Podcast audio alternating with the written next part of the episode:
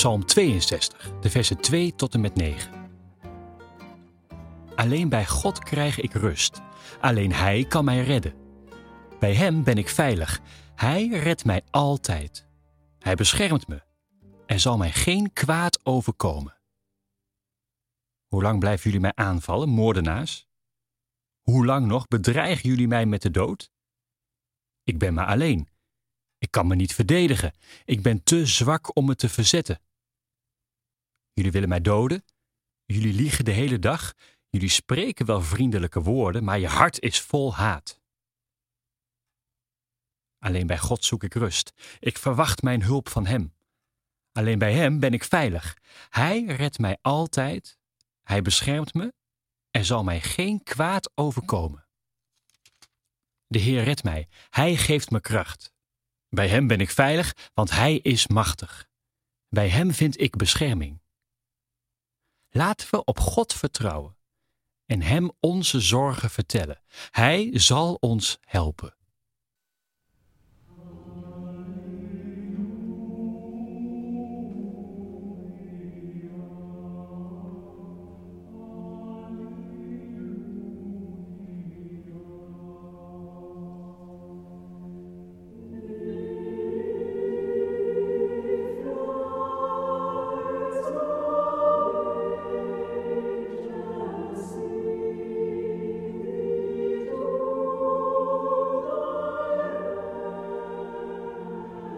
Wie deze podcast al een tijdje volgt, zal gemerkt hebben dat sommige thema's vaak terugkomen.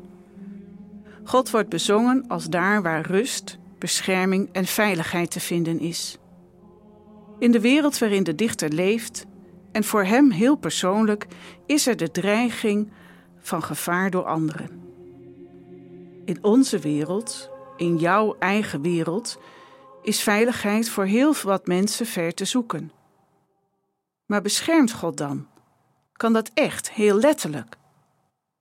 Mensen, kinderen, volwassenen maken verschrikkelijke dingen mee. De cijfers over geweld in huis zijn schrikbarend hoog, net als de cijfers van seksueel geweld tegenover vrouwen en ja, ook tegenover mannen. Als je daaraan denkt, hoe veilig is de wereld om je heen voor jou? Heb je zelf daar invloed op? Speelt God daarin een rol? De woorden van de psalm, ze klinken heel stellig als een overtuiging. God redt mij altijd. Er zal mij geen kwaad overkomen. Voor mezelf klinkt dat veel te gemakkelijk. Als ik erover nadenk, kom ik er niet uit. Er is veel te veel geweld dat mensen meemaken, op allerlei manieren. Ja, als ik de woorden lees als een gebed, dan wordt het anders. Dan zijn het woorden vol diep verlangen. Was het maar zo. Als je de psalm doorleest, lijkt de stelligheid af te nemen. Het noemen van de voortdurende bedreigingen vertelt dat het kwaad nog niet is afgelopen. En eerst zegt de dichter: Alleen bij God krijg ik rust. Maar even verderop in de tekst zegt de dichter: Alleen bij God zoek ik rust. Ten slotte vraagt hij anderen om op God te vertrouwen, alsof hij zegt: Ik in mijn eentje kan het niet alleen, dat vertrouwen op God. Alleen als jij ook meedoet. Als we het samen doen, dan houd ik het vol. Laten wij op God vertrouwen. Ja, dat helpt mij ook, om het samen te doen en daar met elkaar iets over te delen. Doe je mee?